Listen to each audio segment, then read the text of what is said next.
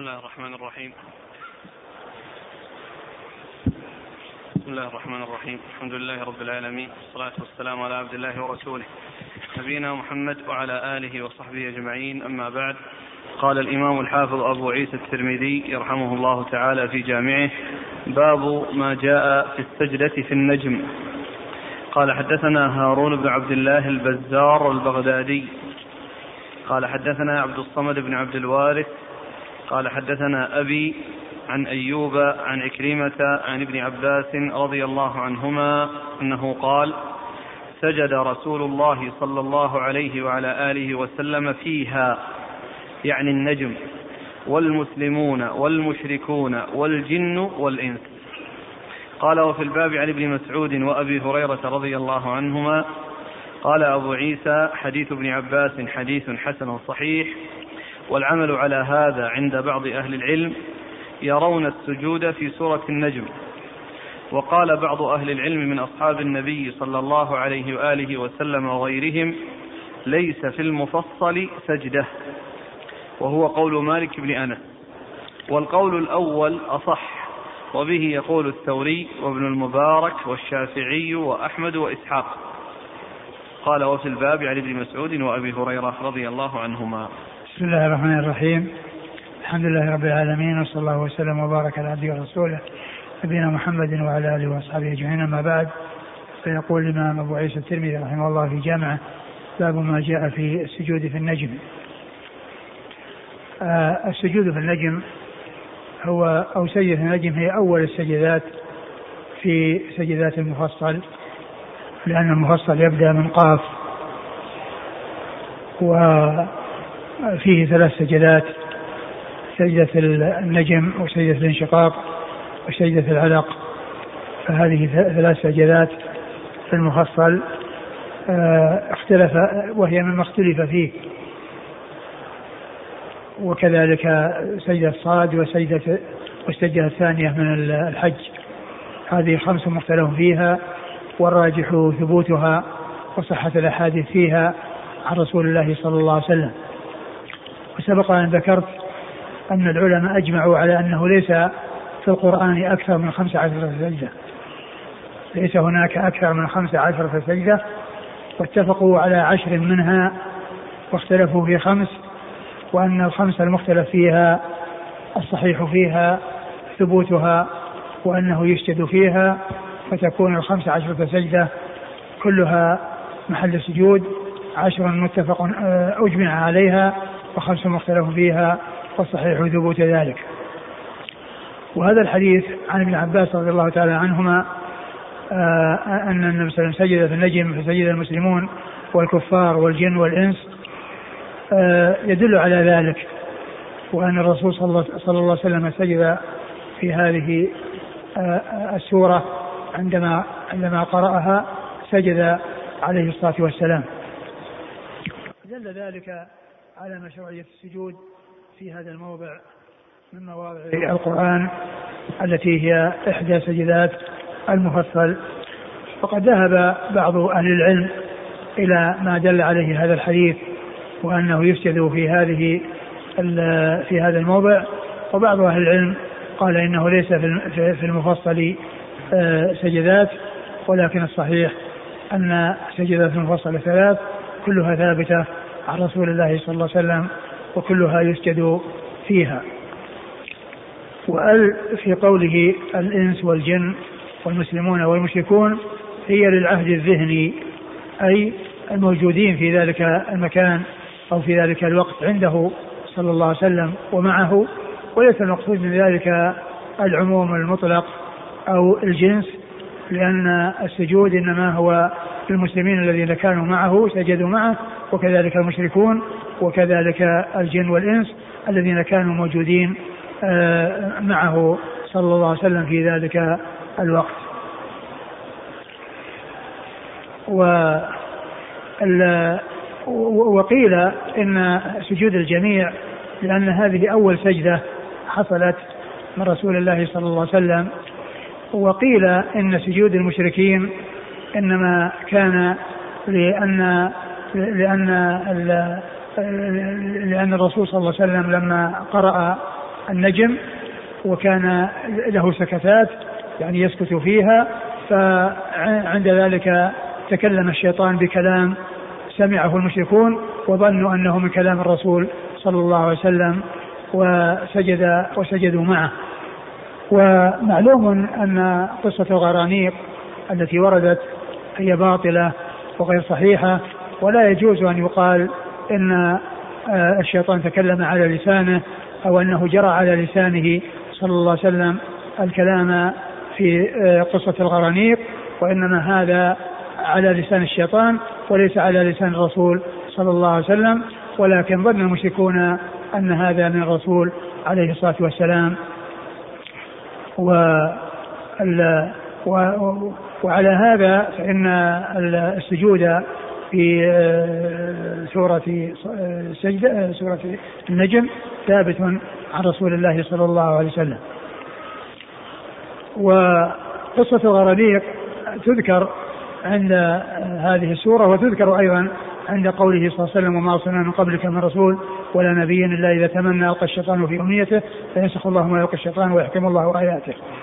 وقد فسر العلماء المقصود من هذه الآية بتفسيرين أحدهما أن الشيطان يلقي في قلوبهم الوساوس والشكوك وثم الله عز وجل يزيل ذلك عن المؤمنين ولا يبقى أثره في نفوسهم ويحكم الله عز وجل آياته وفسر بالتفسير الذي أشرت إليه وهو أنه إذا إذا قرأ آه، يعني آه، كما في قصة النجم آه، وعندما سكت تكلم الشيطان بكلام ظنوا أنه من كلام الرسول صلى الله عليه وسلم فلذلك حصل سجودهم مع النبي عليه الصلاة والسلام لأن ذلك الذي حصل من الشيطان إنما هو مدح لآلهتهم التي هي اللات والعزى ومناة الثالثة الأخرى. و وأما كون ذلك على لسان الرسول صلى الله عليه وسلم فهذا لا يصح. ولا يجوز أن يقال بأن هذا من أبطل الباطل وأقبح وأقبح الأشياء وأشدها فإن الرسول صلى الله عليه وسلم معصوم أن يتكلم إلا بالحق. صلوات الله وسلامه وبركاته عليه. آه، فلا يجوز أن يتصور مثل ذلك. نعم. قال حدثنا هارون بن عبد الله البزار البغدادي. هو البزاز ولا البزار؟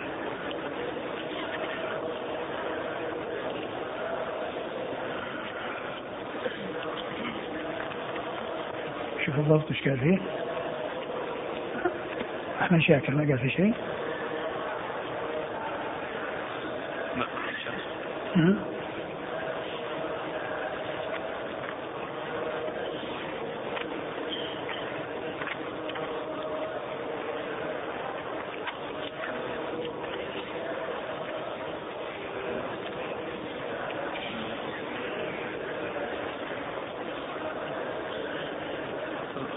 تقريب البزاز بزاز اي نعم. هو البزاز. يعني نسبة إلى البز إلى البز. وهارون بن عبد الله البزاز آه، الملقب الحمال البغدادي ثقة أخرج له مسلم وأصحاب السنة. عن عبد الصمد بن عبد الوارث. عبد الصمد بن عبد الوارث صدوق أخرج له أصحاب الكتب الستة. عن أبيه. عن أبيه عبد الوارث بن سعيد العنبري ثقة أخرج له أصحاب الكتب الستة. عن أيوب عن أيوب بن أبي تميم السختياني ثقة أخرج له أصحاب الكتب الستة. عن عكرمة عن عكرمة هو ابن عباس ثقة أخرج له أصحاب الكتب الستة عن ابن عباس رضي الله تعالى عنهما أحد العبادلة الأربعة من الصحابة وأحد المكثرين من رواية حديث رسول الله صلى الله عليه وسلم. قال وفي الباب عن ابن مسعود ابن مسعود عبد الله بن مسعود الهذلي أخرج حديثه أصحاب الكتب الستة. وأبي هريرة وأبو هريرة عبد الرحمن بن صخر الدوسي أكثر الصحابة حديثا على الإطلاق. قال أبو عيسى حديث ابن عباس حديث حسن صحيح والعمل على هذا عند بعض أهل العلم يرون السجود في سورة النجم وقال بعض أهل العلم من أصحاب النبي صلى الله عليه وسلم وغيرهم ليس في المفصل سجدة نعم. وهو قول مالك بن أنس مالك بن أنس إمام دار الهجرة المحدث الفقيه على أصحاب المذاهب الأربعة المشهورة من مذاهب أهل السنة وحديثه أخرجه أصحاب كتب الستة. و والقول الأول أصح. والشافعي. لا لا. والقول الأول أصح وبه يقول الثوري. والقول الأول أصح الذي هو فيها أنها يسجد فيها. وقول الثوري سفيان بن سعيد المسروق الثوري ثقة فقيه أخرجه أصحاب كتب الستة. وابن المبارك. وابن المبارك عبد الله بن المبارك المروزي. ثقة أخرج له أصحاب كتب الستة. والشافعي. والشافعي محمد بن إدريس.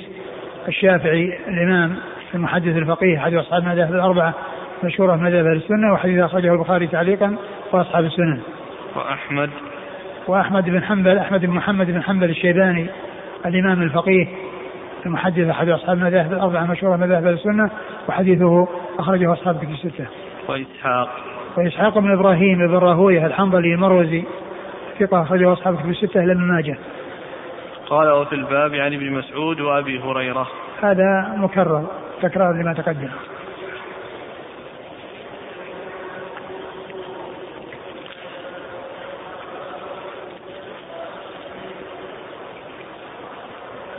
هل صحيح أن سبب السجود أنها أول سجدة نزلت؟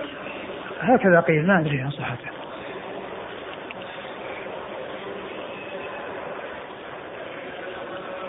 يقول الأخ كيف عرف ابن عباس رضي الله عنهما بأن الجن سجدوا؟ آه معلوم أن ابن عباس رضي الله عنه يعني آه أن أن آه أحاديثه أو كثير منها من مراسيل الصحابة.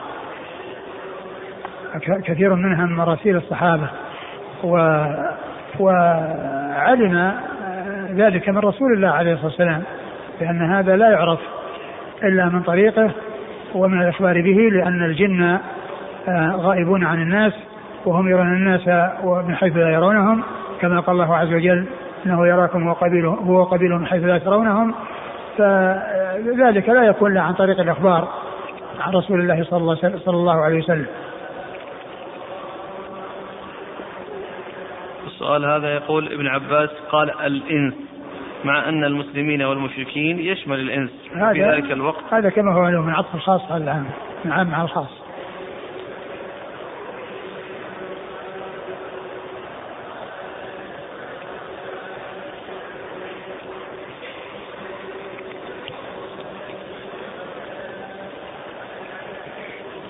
قال رحمه الله تعالى باب ما جاء من لم يسجد فيه.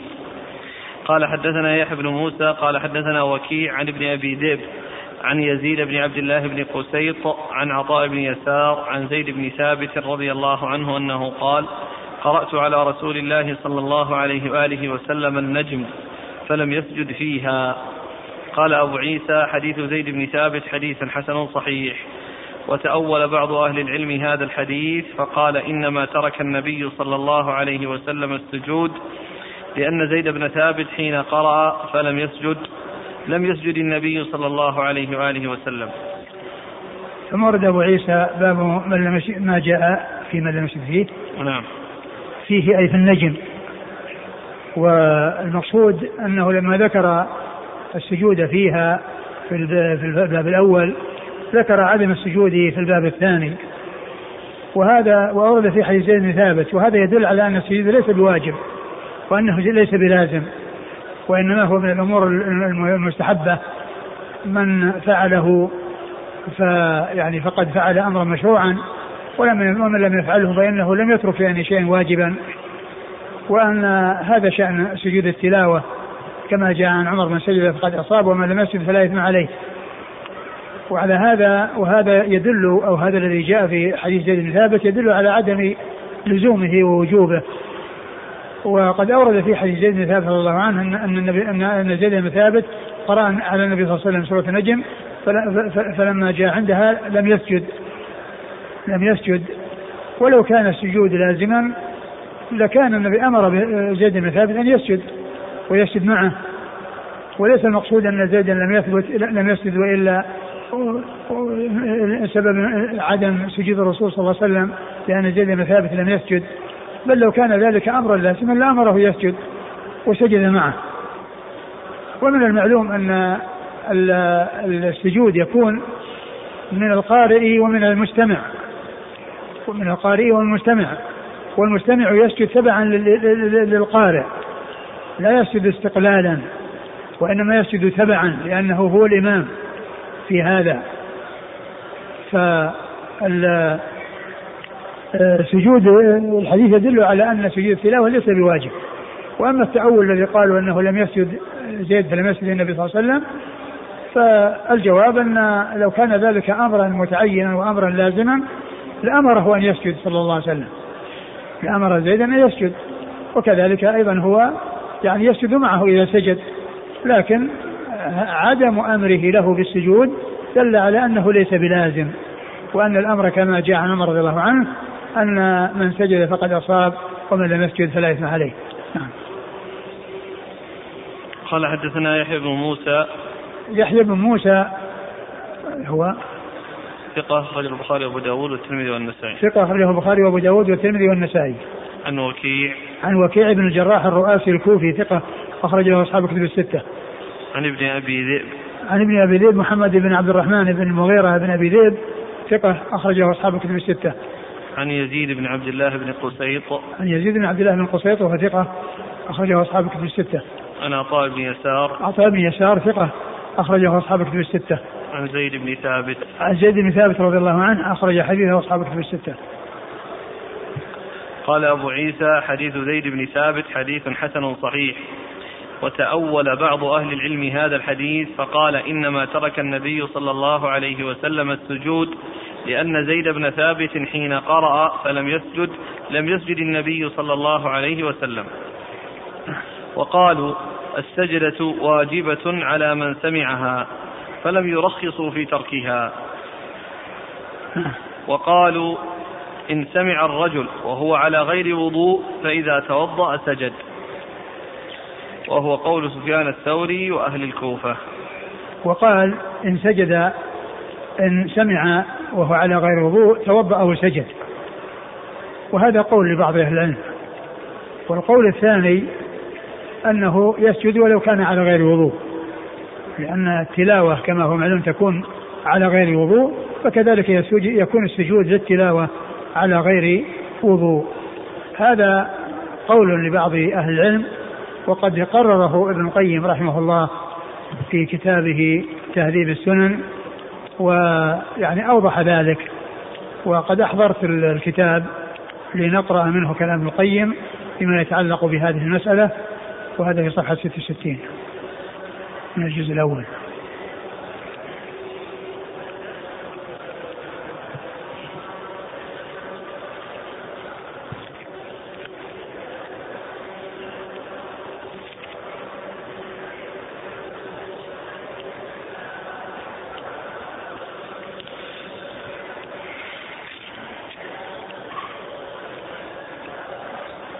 قيل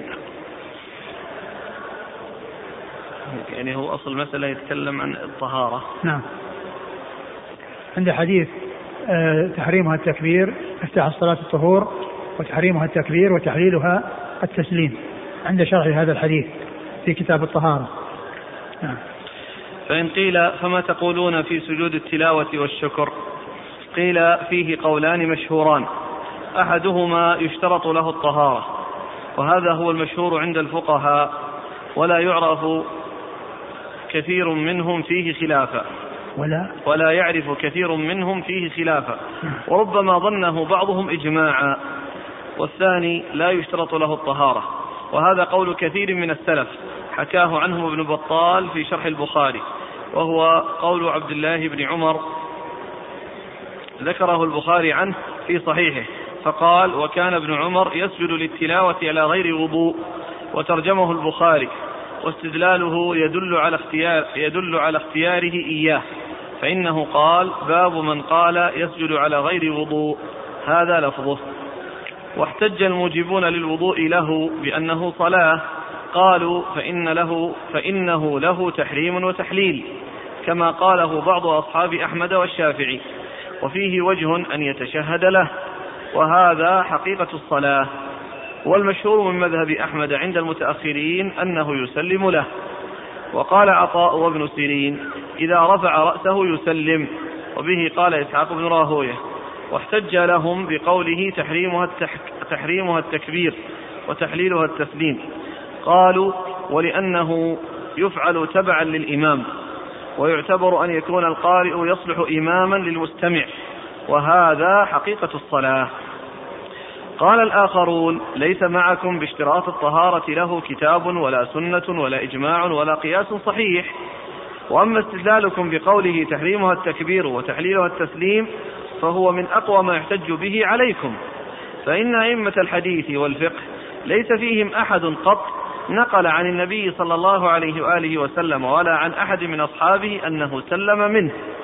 وقد أنكر أحمد السلام منه. قال الخطابي وكان أحمد لا يعرف التسليم في هذا. وقال الحسن البصري بياض. ويذكر نحوه عن ابن عن إبراهيم النخعي وكذلك المنصوص عن الشافعي أنه لا يسلم فيه. والذي يدل على ذلك أن الذين قالوا يسلم منه إنما احتجوا بقول النبي صلى الله عليه وسلم وتحليلها التسليم. وبذلك احتج لهم إسحاق. وهذا استدلال ضعيف. فإن النبي صلى الله عليه وسلم وأصحابه فعلوها ولم ينقل عنهم سلام منها ولهذا أنكره أحمد وغيره. وتجويز كونه سلم منه ولم ينقل كتجويز كونه سلم من الطواف. قالوا والسجود هو من جنس ذكر الله وقراءة القرآن والدعاء ولهذا شرع في الصلاة وخارجها. فكما لا يشترط الوضوء لهذه الأمور وإن كانت من أجزاء الصلاة فكذا لا يشترط للسجود. يعني في خارج الصلاة. يعني لا, لا, لا تشترط في خارج الصلاة. نعم. وكونه جزءا من أجزائها لا يوجب ألا يفعل إلا بوضوء. واحتج البخاري بحديث ابن عباس أن النبي صلى الله عليه وسلم سجد بالنجم وسجد معه المسلمون والمشركون والجن والإنس. ومعلوم أن الكافر لا وضوء له. قالوا وأيضا فالمسلمون الذين سجدوا معه صلى الله عليه وسلم لم ينقل أن النبي صلى الله عليه وسلم أمرهم بالطهارة ولا سألهم هل كنتم متطهرين أم لا. ولو كانت الطهارة شرطا فيه للزم أحد الأمرين إما أن يتقدم أمره لهم بالطهارة وإما أن يسألهم بعد السجود ليبين لهم الاشتراط ولم ينقل مسلم واحدا منهما. فإن قيل فلعل الوضوء تأخرت مشروعيته عن ذلك وهذا جواب بعض الموجبين. قيل الطهارة شرعت للصلاة من حين المبعث من حين المبعث ولم يصل قط إلا بطهارة. أتاه جبريل فعلمه الطهارة والصلاة. وفي حديث إسلام عمر أنه لم يمكن من لم يمكن من مس القرآن إلا بعد تطهره. فكيف نظن أنهم كانوا يصلون بلا وضوء؟ قالوا وأيضا فيبعد جدا أن يكون المسلمون كلهم إذ ذاك على وضوء. قالوا وأيضا ففي الصحيحين عن عبد الله بن عمر أنه قال كان رسول الله صلى الله عليه وسلم يقرأ القرآن فيقرأ السورة فيها السجدة فيسجد ونسجد معه حتى ما يجد بعضنا موضعا لمكان جبهته. قالوا وقد كان يقرأ القرآن عليهم في المجامع كلها ومن البعيد جدا أن يكون كلهم إذ ذاك على وضوء وكانوا يسجدون حتى لا يجد بعضهم مكانا لجبهته. ومعلوم أن مجامع الناس تجمع المتوضئ تجمع المتوضئ وغيره. قالوا وأيضا فقد أخبر الله تعالى في غير موضع من القرآن أن السحرة سجدوا لله سجدة فقبلها الله منهم ومدحهم عليها ولم يكونوا متطهرين قطعا. ومنازعون يقولون مثل هذا السجود حرام فكيف يمدحهم ويثني عليهم بما لا يجوز؟ فإن قيل شرع من قبلنا شرع ليس بشرع لنا. شرع من قبلنا ليس بشرع لنا. قيل قد احتج الأئمة الأربعة بشرع من قبلنا وذلك منصوص عنهم أنفسهم في غير موضع. عنهم أنفسهم. أنا ما فهمت الكلام كلام هذا موضع سحرة فرعون ما فهمت. قالوا أيضا فقد أخبر الله تعالى في غير موضع من القرآن أن السحرة سجدوا لله سجدة فقبلها الله منهم ومدحهم عليها ولم يكونوا متطهرين قطعا ومنازعون يقولون مثل هذا السجود حرام. مثل سجود المشركين. أقول سجود السحرة مثل سجود المشركين. والمشرك لا وضوء له. فكيف يمدحهم؟ ويثني عليهم بما لا يجوز.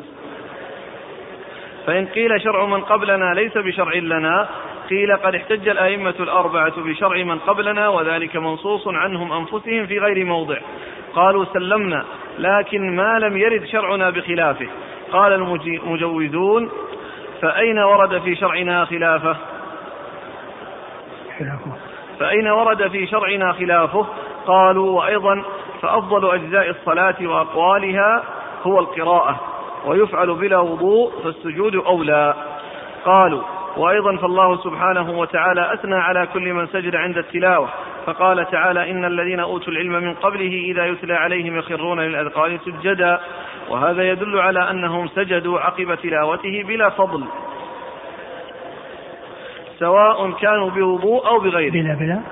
بلا فضل. أو بلا فصل. بلا بلا فصل على طول يعني مباشرة. وهذا يدل على أنهم سجدوا عقب تلاوته بلا فصل سواء كانوا بوضوء أو بغيره. لأنه أثنى عليهم بمجرد السجود عقب التلاوة ولم يشترط وضوءا. وكذلك قوله تعالى إذا تتلى عليهم آيات الرحمن خروا سجدا وبكيا. قالوا وكذلك سجدوا سجود الشكر مستحب عند تجدد النعم المنتظرة. وقد تظاهرت السنة عن النبي صلى الله عليه وسلم بفعله في مواضع متعددة. وكذلك أصحابه مع ورود الخبر السار عليهم بغتة. وكانوا يسجدون عقبة ولم يؤمروا بوضوء ولم يخبروا أنه لا يفعل إلا بوضوء ومعلوم أن هذه الأمور أن هذه الأمور تد تدهم العبد وهو على غير طهارة فلو تركها لفاتت مصلحتها. قالوا ومن الممتنع أن يكون الله تعالى قد أذن في هذا السجود وأثنى على فاعله وأطلق ذلك وتكون الطهارة شرطا فيه ولا يسنها ولا يأمر بها رسول الله صلى الله عليه وسلم أصحابه ولا روي عنه في ذلك حرف واحد. وقياسه على الصلاة ممتنع لوجهين. أحدهما أن الفارق بينه وبين الصلاة أظهر وأكثر من الجامع. إذ لا قراءة فيه ولا ركوع لا فرضا ولا سنة لا فرضا ولا سنة ثابتة بالتسليم. ويجوز أن يكون القارئ خلف الإمام فيه ولا مصافة فيه. وليس إلحاق محل النزاع بصور الاتفاق أولى من إلحاقه بصور الافتراق. الثاني أن هذا القياس إنما يمتنع لو كان صحيحا. إذا لم يكن الشيء المقيس قد فعل على عهد النبي صلى الله عليه وسلم ثم تقع الحادثة. فيحتاج المجتهد أن يلحقها بما أن يلحقها بما وقع على عهده صلى الله عليه وسلم من الحوادث أو شملها نص نصه.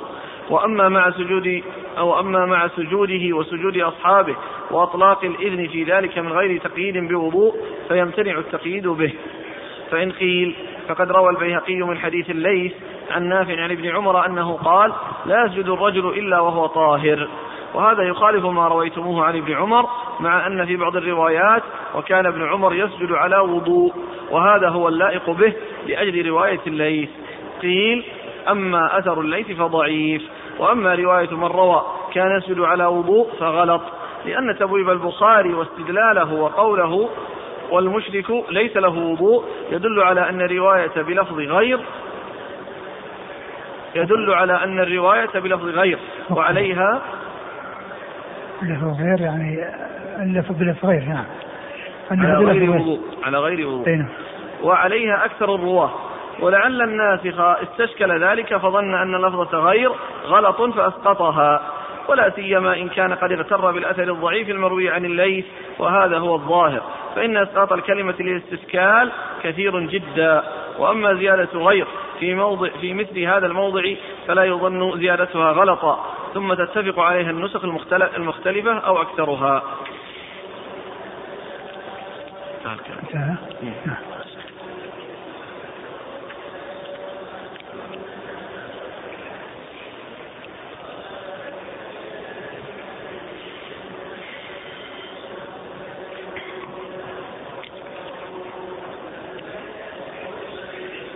وصاحب يعني الشرح ذكر في آخرها أو في آخر الكلام على يعني الحديث هذا أو غيره كلام صاحب المغني ولم يطل فيه وإنما يعني أتى آه، اشتراط الوضوء أنه مطلوب.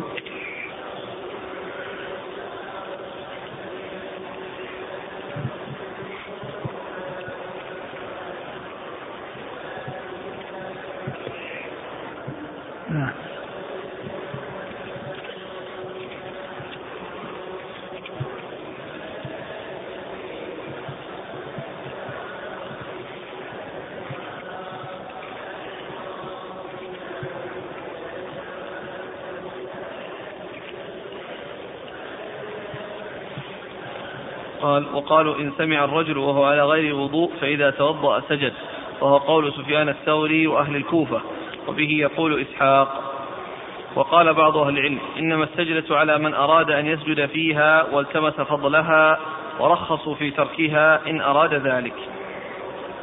واحتجوا بالحديث المرفوع حديث زيد بن ثابت حيث قال قرأت على النبي صلى الله عليه وسلم النجم فلم يسجد فيها فقالوا لو كانت السجدة واجبة لم يترك النبي صلى الله عليه وسلم زيدا حتى كان يسجد ويسجد النبي صلى الله عليه وسلم. واحتجوا بحديث عمر أنه قرأ سجدة على المنبر فنزل فسجد ثم قرأها في الجمعة الثانية فتهيأ الناس للسجود فقال إنها لم تكتب علينا إلا أن نشاء فلم يسجد ولم يسجدوا. فذهب بعض أهل العلم إلى هذا وهو قول الشافعي وأحمد.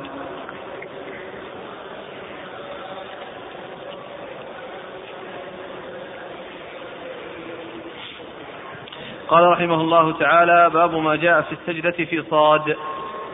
قال حدثنا ابن أبي عمر قال حدثنا سفيان عن أيوب عن عكرمة عن ابن عباس رضي الله عنهما أنه قال رأيت رسول الله صلى الله عليه وسلم يسجد في صاد.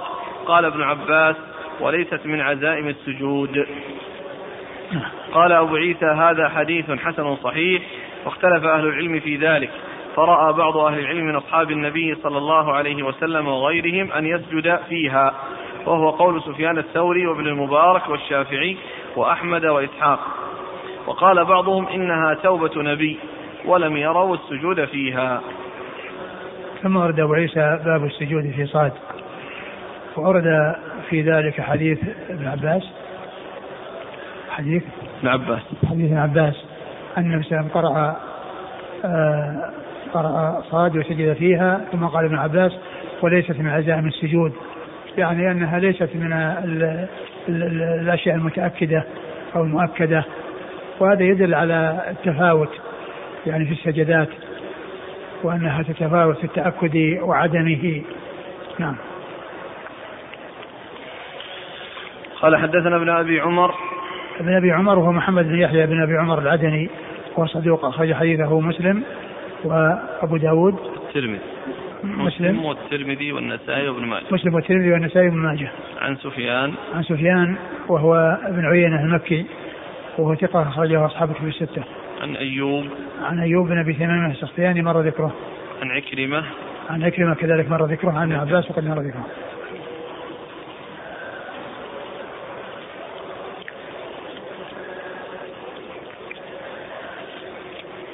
قال أبو عيسى هذا حديث حسن صحيح واختلف أهل العلم في ذلك فرأى بعض أهل العلم من أصحاب النبي صلى الله عليه وسلم وغيرهم أن يسجد فيها وهو قول سفيان الثوري وابن المبارك والشافعي وأحمد وإسحاق. وقال بعضهم إنها توبة نبي ولم يروا السجود فيها. نعم. وصحيح أنه يسجد فيها لثبوت ذلك عن رسول الله صلى الله عليه وسلم.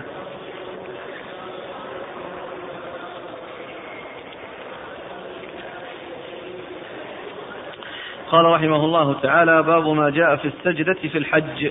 قال حدثنا قتيبة قال حدثنا ابن لهيعة عن مشرح بن هاعان عن عقبة بن عامر رضي الله عنه أنه قال قلت يا رسول الله فضلت سورة الحج بأن فيها سجدتين.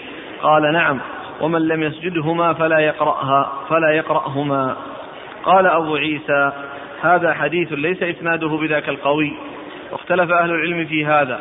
وروي عن عمر بن الخطاب وابن عمر أنهما قالا فضلت سورة الحج بأن فيها سجدتين. وبه يقول ابن المبارك والشافعي وأحمد وإسحاق ورأى بعضهم فيها سجدة وهو قول سفيان الثوري ومالك وأهل الكوفة. ثم ورد أبو عيسى رحمه الله باب السجود في الحج. والحج فيه سجدتان الأولى متفق عليها ومجمع عليها وأما الثانية التي في آخرها والتي كانت بلفظ الأمر هذه مختلف فيها والصحيح ثبوتها آه، ثبوت السجود فيها. وقد أورد آه، المصنف رحمه الله في ذلك حديث آه، عقبة. عقبة بن عامر الجهني رضي الله عنه أن أن أن أنه قال فضلت سورة الحج بسجدتين أي أفضلت بسجدتين قال نعم ومن لم ومن لم ومن لم يسد فيهما فلا يقرأهما. ومن لم يسد فيهما فلا يقرأهما. فقيل معنى ذلك أنه يتجاوزهما. حتى يعني لا يسجد إذا كان لا يريد أن يسجد. والشيخ أحمد شاكر رحمه الله يقول إن هذا يعني ليس من قبيل النهي وإنما هو من قبيل آه، من جنس آه، إذا لم تستحي فاصنع ما شئت. إنما ذلك الناس من كلام النبوة الأولى إذا لم تستحي تستحي فاصنع ما شئت. يعني معنى ذلك أن, أن هذا مطلوب وأنه لا يتأخر الإنسان عن السجود فيهما. وهذا الحديث في إسناده من فيه كلام ولكن له شاهد من حديث عمرو بن العاص يعني ذكره آه ذكره الشارح. وفيه ذكر الخمس عشرة سجدة يعني آه مع بعض. فالسجود في الثانية من سورة الحج ثابت آه وهو أحد المواضع الخمسة التي اختلف فيها وقد عرفنا أن الصحيح هو ثبوت السجود فيها جميعها. نعم. قال حدثنا قتيبة. قتيبة بن سعيد بن جميل بن طريف البغلاني ثقة أخرجه أصحاب الكتب الستة. عن ابن لهيعة. عن ابن لهيعة عبد الله بن لهيعة المصري وهو صدوق آه، اختلط لما احترقت كتبه. ومن سمع منه قبل الاختلاط فسمعه صحيح وقتيبة ممن سمع منه قبل الاختلاط. عن مشرح بن هيعان. كذلك العبادلة الأربعة آه يعني آه من شيوخ شيوخ أصحاب الكتب الستة وهم عبد الله بن مبارك وعبد الله بن يزيد المقري وعبد الله بن مسلمة القعنبي وعبد الله بن وهب. فهؤلاء روايتهم عن ابن وهب عن عن ابن لاهيعة محمولة على آه، آه، هي من قبيل ما سمع قبل الاختلاط. نعم. أخرج له مسلم. مسلم وأبو داود والترمذي وابن ماجه. مسلم وأبو داود والترمذي وابن ماجه. عن مشرح ابن هاعان وهو مقبول أخرج له البخاري في خلق أفعال العباد وأبو داود والترمذي وابن ماجه. مقبول أخرجه البخاري في خلق أفعال العباد وأبو داود والترمذي وابن ماجه. عن عقبة بن عامر. عن عقبة بن عامر الجهني رضي الله عنه وحديثه أخرجه أصحاب الكتب الستة. وهذا رباعي. نعم. وهذا من الرباعيات.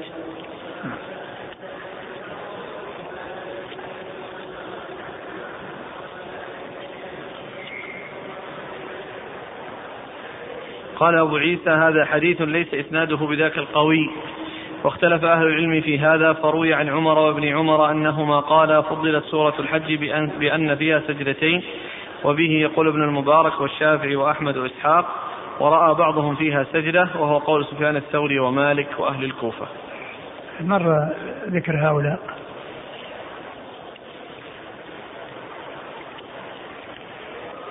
قال رحمه الله تعالى باب ما يقول في سجود القرآن. قال حدثنا قتيبة قال حدثنا محمد بن يزيد بن خنيس قال حدثنا الحسن بن محمد بن عبيد الله بن أبي يزيد. قال قال لي ابن جريج يا حسن أخبرني أخبرني عبيد الله بن أبي يزيد عن ابن عباس رضي الله عنهما أنه قال جاء رجل إلى النبي صلى الله عليه وسلم فقال يا رسول الله إني رأيتني الليلة وأنا نائم كأني أصلي خلف شجرة. فسجدت فسجدت الشجرة لسجودي. فسمعت فسمعتها وهي تقول اللهم اكتب لي بها عندك أجرا وضع عني بها وزرا واجعلها لي عندك ذخرا وتقبلها مني كما تقبلتها من عبدك داود. قال الحسن قال لي ابن جريج قال لي جدك قال ابن عباس رضي الله عنهما فقرأ النبي صلى الله عليه وسلم سجدة ثم سجد قال فقال ابن عباس فسمعته وهو يقول مثل ما أخبره الرجل عن قول الشجرة قال وفي الباب عن أبي سعيد رضي الله عنه قال أبو عيسى هذا حديث حسن غريب من حديث ابن عباس لا نعرفه إلا من هذا الوجه ثم ورد أبو عيسى باب ما يقول في السجود سجود القرآن, القرآن. نعم. باب ما يقول في سجود القرآن و وقد ورد فيه حديث حديث ابن عباس. حديث ابن عباس رضي الله عنهما أنه أن رجلا جاء النبي صلى الله عليه وسلم وقال إنه آه، رأى في المنام أنه يقرأ وأنه سجد وأن الشجرة كان يصلي إلى شجرة وأن أنه سجد شجرة وأنها كانت تقول آه، يعني هذا الذكر الذي أورده المصنف هنا فهو يدل فهو يدل على أنه من الذكر في السجود. ويقال أيضا في سجود التلاوة مثل ما يقال في سجود الصلاة. سبحان ربي الأعلى سبحان ربي الأعلى. وكذلك يقول يعني هذا الذي ورد. وكذلك أيضا ورد غيره سري وجه الله الذي خلقه وشق سمعه وبصره. تبارك الله أحسن الخالقين. وهذا أيضا يكون في سجود التلاوة وسجود الصلاة أيضا. نعم. قال حدثنا قتيبة قتيبة مر ذكره. عن محمد بن يزيد بن خنيس. محمد بن يزيد بن خنيس هو مقبول أخرجه الترمذي وابن ماجه. مقبول أخرجه الترمذي وابن ماجه. عن الحسن بن محمد بن عبيد الله بن أبي يزيد. عن الحسن بن محمد بن عبيد الله بن أبي يزيد وهو مقبول. نعم أخرجه الترمذي وابن ماجه. مقبول أخرجه الترمذي وابن ماجه. عن عن ابن جريج عن ابن جريج عبد الملك بن عبد العزيز بن جريج عبد الملك بن عبد العزيز بن جريج وهو ثقة أخرجه أصحاب الكتب الستة. عن عبيد الله بن أبي يزيد. عن عبيد الله بن أبي يزيد وهو ثقة أخرج له أصحاب الكتب. أصحاب الكتب الستة. عن ابن عباس. عن ابن عباس مر ذكره.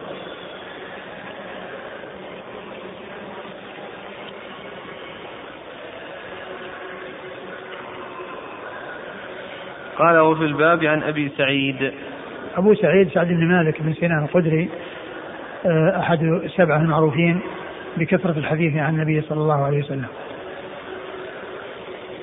قال أبو عيسى هذا حديث حسن غريب من حديث ابن عباس لا نعرفه إلا من هذا الوجه.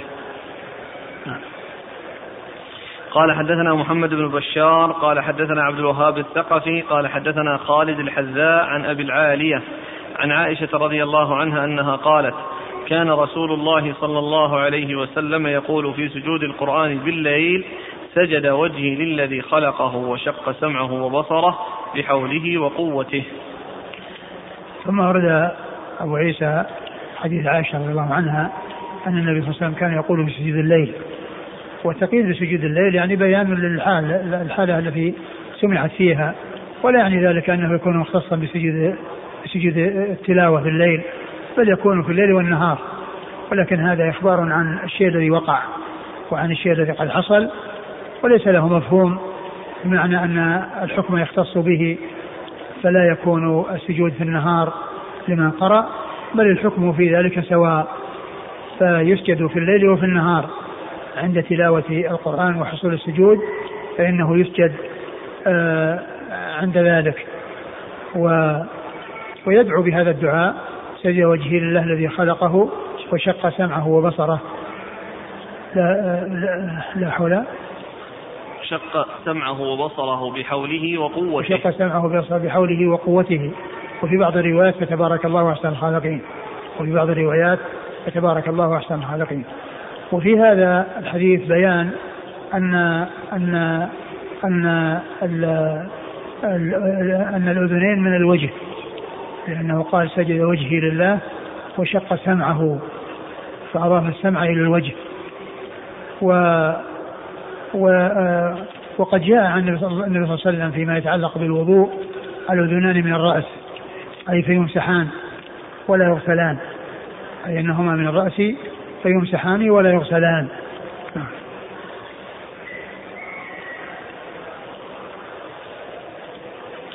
قال حدثنا محمد بن بشار. محمد بن بشار هو الملقب بن دار. ثقة أخرجه أصحاب الكتب الستة.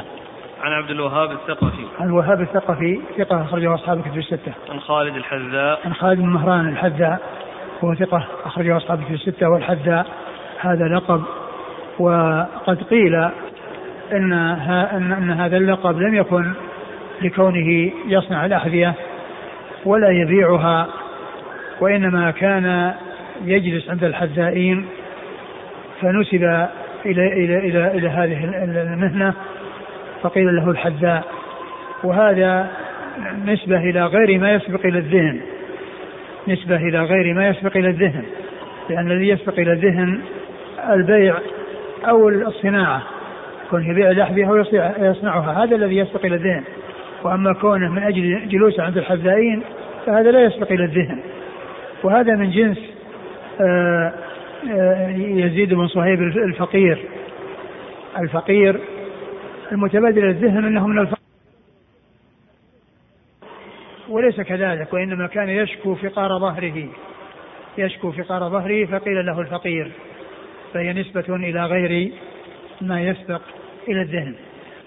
وهو ثقة خالد الحذاء ثقة أخرجه أصحابه في الستة. ويقال إنه كان عند الحذائين ويقول احذوا على كذا يعني يرسم له يعني رسم يعني على شكل النعل ويقول احذوا على كذا يعني إنه يقص يقص على على هذا الرسم وعلى هذا المقدار الذي يقول احذوا على كذا يعني على هذا على هذا الشكل وعلى هذا المقدار فقيل له الحذاء نعم.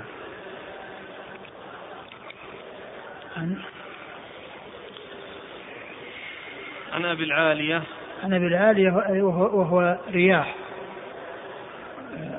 رفيع بن مهران. الرياحي وهو الرياحي رفيع ابن مهران. بن مهران ثقة. أخرجه أصحاب في الستة. عن عائشة. عن عائشة أم المؤمنين رضي الله عنها وأرضاها صديقة من صديق وهي واحدة من سبع أشخاص عرفوا بكثرة الحديث عن النبي صلى الله عليه وسلم. قال أبو عيسى هذا حديث حسن صحيح. نعم. يقول السائل هل يجوز الجمع بين الدعائين في سجدة واحدة؟ نعم يجوز. يجوز.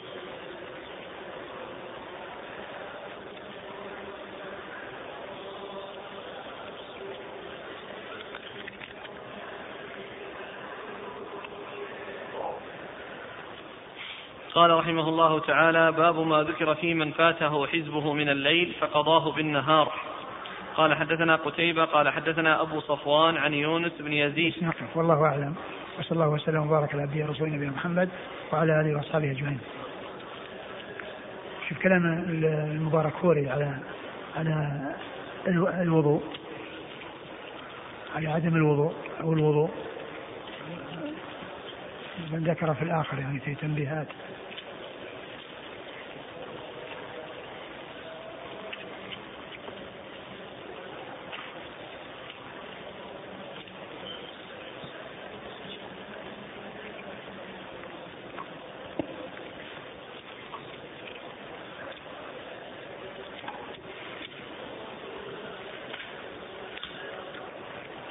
فائدة قال ابن قدامة في المغني يشترط للسجود ما يشترط لصلاة النافلة من الطهارتين من الحدث والنجس وستر, وستر العورة واستقبال القبلة والنية.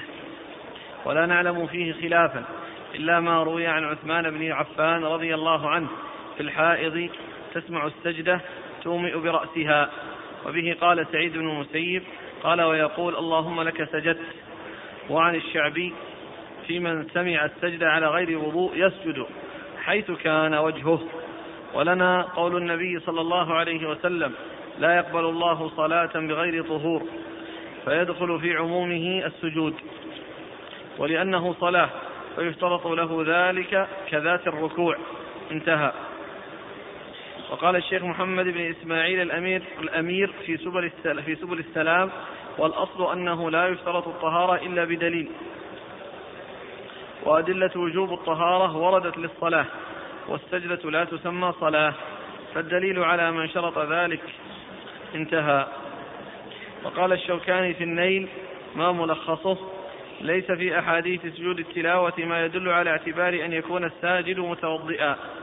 وهكذا ليس في الأحاديث ما يدل على اعتبار طهارة الثياب والمكان. وأما ستر العورة واستقبال القبلة مع الإمكان فقيل إنه معتبر اتفاقا.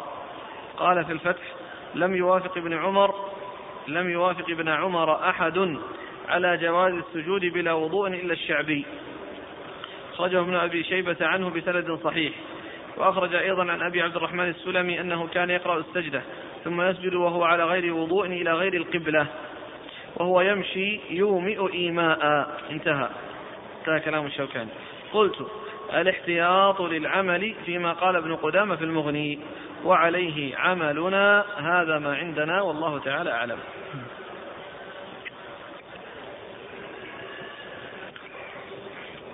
ومن الأمور المتعلقة بسجود التلاوة إذا كان في الصلاة فإنه يكبر له عند السجود وعند القيام من السجود لعموم قوله لعموم ما جاء أنه يسجد عند كل خفض ورفع. ومعلوم أن المصلي عندما يسجد يعني يكون فيه الخفض وعندما يقوم من السجود يكون فيه الرفع فيكون داخلا تحت هذا العموم. أما إذا كان في غير الصلاة فبعض أهل العلم قال إنه آه، آه، يكبر عند آه، عند السجود وبعضهم قال إنه لا يكبر لأنه لم يثبت. وقد جاء من حديث عبد الله بن عمر العمري في سنن أبي داود وقال الشيخ الألباني عند ذكره قال منكر بلفظ التكبير منكر بلفظ التكبير يعني أنه آه، ثابت بدون التكبير وأنه يسجد يعني ولكن بلفظ التكبير أنه منكر لأنه جاء من رواية عبد الله بن عمر العمري المكبر. فليس هناك شيء ثابت فيما يتعلق بالتكبير وكذلك فيما يتعلق بالتسليم.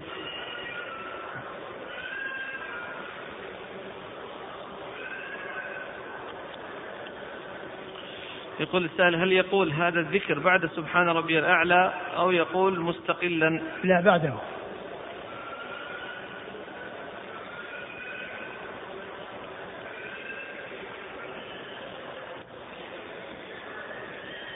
يقول إذا كانت المرأة تقرأ على زوجها القرآن ومرت بآية سجدة فهل يأتم بسجودها أم يأمها هو أم يسجد كل واحد منهم منفردا؟ أه كما هو معلوم المرأة لا تأم الرجل ولا يصلي الرجل الرجل وراء المرأة. و وكونها تسجد نعم تسجد. وهو أيضا له أن يسجد على اعتبار أنه سامع لا على اعتبار أنه مأموم وأنها إمامه فإن المرأة لا تأم الرجل.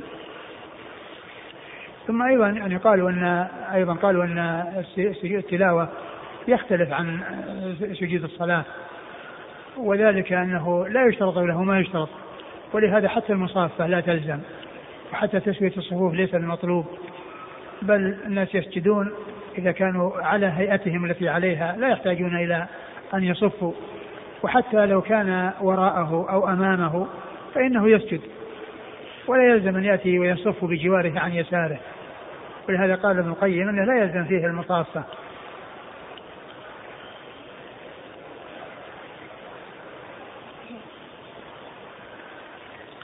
يقول هل يجوز تأخير, السجدة إلى وقت وقت مناسب؟ السجدة هي عند المناسبة. السجدة عند مناسبتها ومناسبتها حصول آه، الوصول الآية التي فيها سجدة. فلا يؤخرها وإنما يأتي بها. وكيف يؤخر؟ يؤخرها حتى يتوضأ. نعم بعض أهل العلم قال هذا أنه يتوضأ ثم يسجد. ولكن الصحيح أنه يسجد وإن لم يكن متوضئا.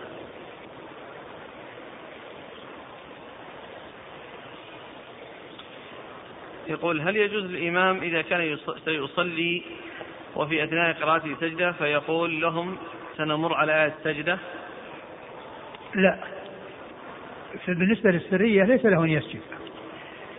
إذا كان يصلي يقرأ في في في قراءة يعني في صلاة سرية فإنه لا لا يسجد عندما يمر بسجدة. لأن هذا يشوش على الناس. وأما إذا كان في جهرية فإنه يسجد ويسجدون معه. فإن يسجد ويسجدون معه ولا يحتاج إلى يقول أننا سنمر بسجدة وأننا سنسجد لأن السجدة معروف أنها في هذه السورة التي يقرأ فيها فإذا سجد يسجدون وراءه. فيقول إذا كنت أقرأ القرآن ثم مرت بي سجدة فهل أخر مباشرة على هيئتي أم يجب علي أن أجلس الجلسة التي مثل بين السجدتين ثم أسجد بعدها؟ إذا كان قائما يسجد عن قيام. وإذا كان جالسا على أي هيئة يسجد عن جلوس. يسجد عن جلوس. وجاء عن عائشة يعني بسند ضعيف أنها كانت تقوم إذا مرت بالسجدة وهي جالسة قامت وسجدت عن قيام لكنه لم يثبت. ولكن الإنسان إذا كان يقرأ وهو قائم يسجد عن قيام. وإذا كان يقرأ وهو جالس فإنه يسجد عن جلوس. لكن يعني هيئة الجلوس. على أي هيئة كان؟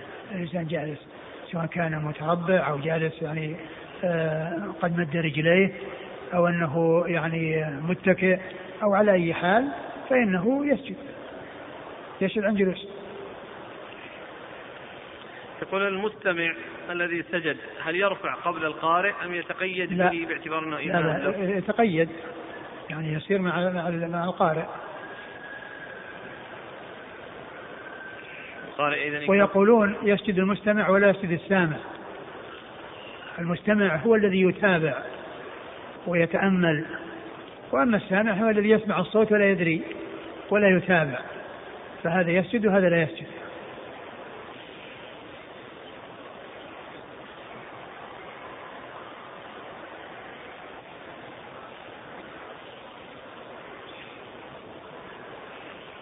يقول هل صحيح أن سبب سجود المشركين هو تأثرهم بكلام الله لما فيه من حق أي بدون أن يشعروا خروا ساجدين؟ الله أعلم. يعني هم المشركون يعني كما كما هو معلوم يقولون عنه إنه سحر. يعني هذا القرآن إنه سحر والرسول يصفونه صلى الله عليه وسلم بأنه ساحر. ولكن لا شك إن القرآن يعني معجز ويعني فيه آآ كما أخبر الله عز وجل لو اجتمعت الإنس والجن على آية مثل هذا القرآن لا يؤتون مثلي ولو كان بعضهم لبعض ظهيرا. وكفار قريش ذكر كما جاء في أول سورة فصلت عند تفسيرها ذكروا أن أن أن كفار قريش اجتمعوا وطلبوا من واحد منهم أن يذهب إلى الرسول صلى الله عليه وسلم ويفاوضه ويقول إن كنت تريد ملكا ملكناك. وإن كنت تريد زوجة زوجناك يعني أحسن ما يكون عندنا وإن كنت تريد كذا وكذا. فلما فرغ من هذا العرض الذي يعرضه عليه قال له اسمع فقرأ سورة أول سورة فصلت حتى جاء عند قوله فإن أعرضوا فقل, فقل أنذرتكم صاعقة مثل صاعقة عاد وثمود. فقال أمسك. ثم إنه رجع إلى قومه وأخبرهم بالذي حصل. قالوا سحرك محمد. نعم.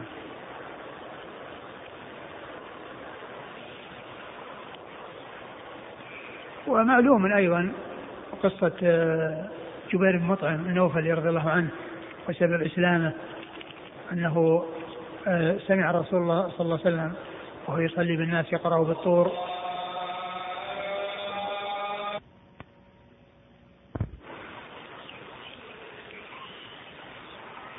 جبير بن مطعم النوفلي رضي الله عنه آه، كان قبل أن يسلم سمع النبي صلى الله عليه وسلم يصلي ويقرأ بسورة الطور فلما قال فلما جاء عند قول الله عز وجل أم خلقوا من غير شيء أم هم الخالقون أم خلق السماوات والأرض بل لا يوقنون قال كاد قلبي أن يطير كاد قلبي أن يطير يعني من من هذا الكلام وجزالته وقوته وفصاحته وبلاغته. ثم أسلم رضي الله عنه وأرضاه. نعم.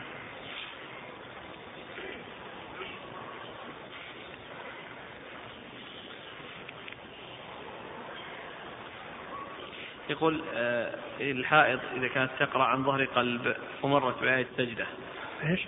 الحائض نعم. تقرأ عن ظهر قلب نعم. مرت بآية سجدة لا تسجد؟ يعني لا يشترط الطهارة يعني حتى لو كان عليها الحدث الأكبر. وكذلك هل يلزم المرأة أن تلبس الخمار عند سجود التلاوة؟ لا ما يلزم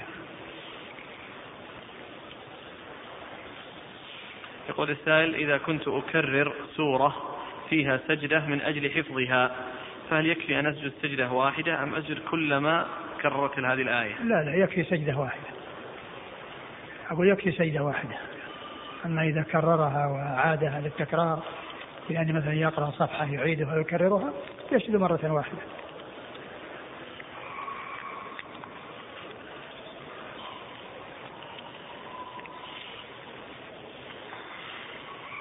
هل يتكون يكون سجود التلاوة في كل الأحوال حتى في أوقات النهي عن الصلاة؟ إي نعم. يقول عندنا بعض الناس في سجدة التلاوة يقول سبحان بدل أن يسجد بدل من السجدة يقول سبحان الله والحمد لله ولا إله إلا الله والله أكبر ولا حول ولا قوة إلا بالله العلي العظيم. هذا ثابت؟ ما نعلم. ما نعلم شيء يدل على هذا. إذا قرأ الإمام سورة العلق أو النجم والسجدة في آخر آياتها فماذا يفعل إذا قام من سجود التلاوة. هل يقرأ مرة ثانية أم له أن يركع مباشرة؟ له أن يقرأ بعد ذلك شيئا من القرآن وله أن يركع بدون ما يقرأ. كل ذلك سابق ومثلها سورة الأعراف الآية في آخرها. يقول إذا سجد القارئ وأنا أستمع إليه في شريط فهل يشرع لي السجود؟ لا, لا. كونك تسمع الشريط هذا ما في سجود. يقول فضيلة الشيخ أليس سجود أو سجدات التلاوة ثبتت بالرواية؟ فنحن نجد أن بعض السجدات لا توجد في بعض الروايات كرواية حفص وبعض الروايات كرواية ورش. فكيف يتدخل في إثبات سجدات الفقهاء؟ أليس المسألة مسألة رواية ونقل؟ الفقهاء؟ إيه لما ذكرتم أن عشر متفق عليه. إيه. وخمس مختلف فيه. نعم. وهذه مسائل تنقل بالرواية لأنها قراءات اي نعم. لكنها كيف لكنها ثابتة. ثابتة في الرواية عن رسول الله صلى الله عليه وسلم. كل هذه الخمسة عشرة. آه عشر, آه عشر بالإجماع وخمس مختلف فيها والصحيح ثبوتها.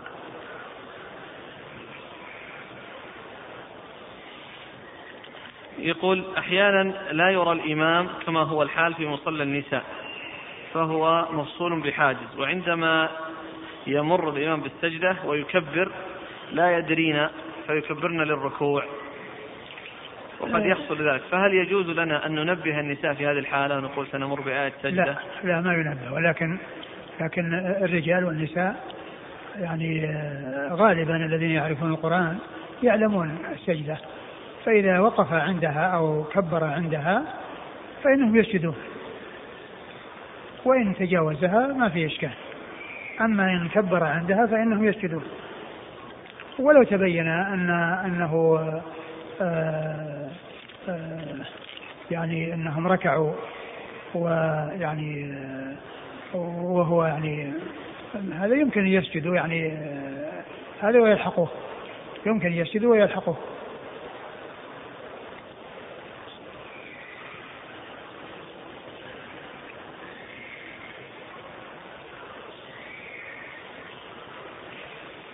هذا نقل عن الطحاوي رحمه الله في كتابه مشكل الآثار. باب بيان مشكل ما ورد في سورة صاد هل فيها سجدة أم لا؟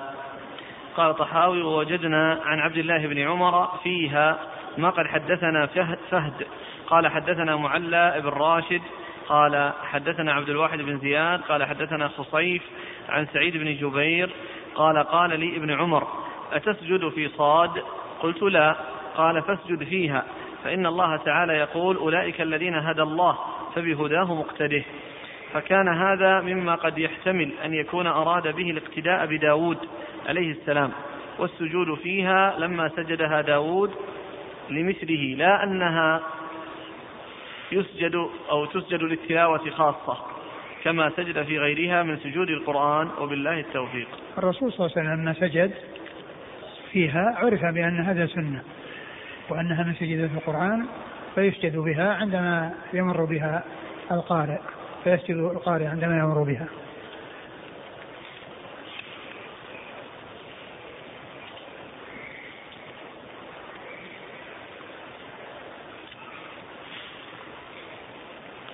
مر معنا في باب الطهارة كتاب الطهارة باب ما جاء في المسح على الجوربين والنعلين.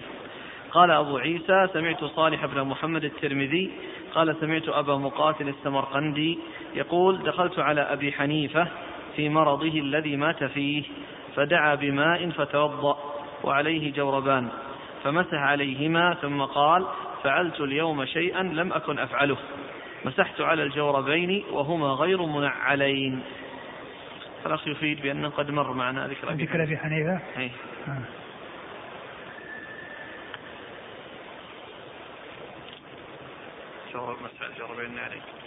يقول آه حفظك الله حصل أن نويت العمرة واغتسلت فحصلت لي ظروف وهي أن السائق رفض أن يأخذني إلى مكة.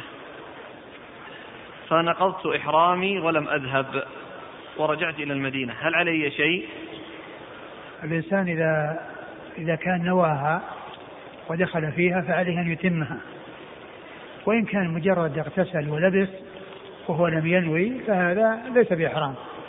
لأن لبس لباس الإحرام إذا لبسه لا يعتبر محرما وإنما يحرم بالنية سواء كان عليه إحرام أو عليه ثيابه. أو عليه ثيابه هذا هو الإحرام. الإحرام هو النية وليس لبس الإحرام. فإذا كان لبس الإحرام فقط ولم ينوي فإن الأمر في ذلك إليه إن شاء أن ينوي ويستمر وإن شاء أن يترك. أما إذا دخل في النسك فعليه أن يتمه يقول الله عز وجل وأتم الحج والعمرة لله. جزاكم الله خيرا وبارك الله فيكم ونفعنا الله وبركاته.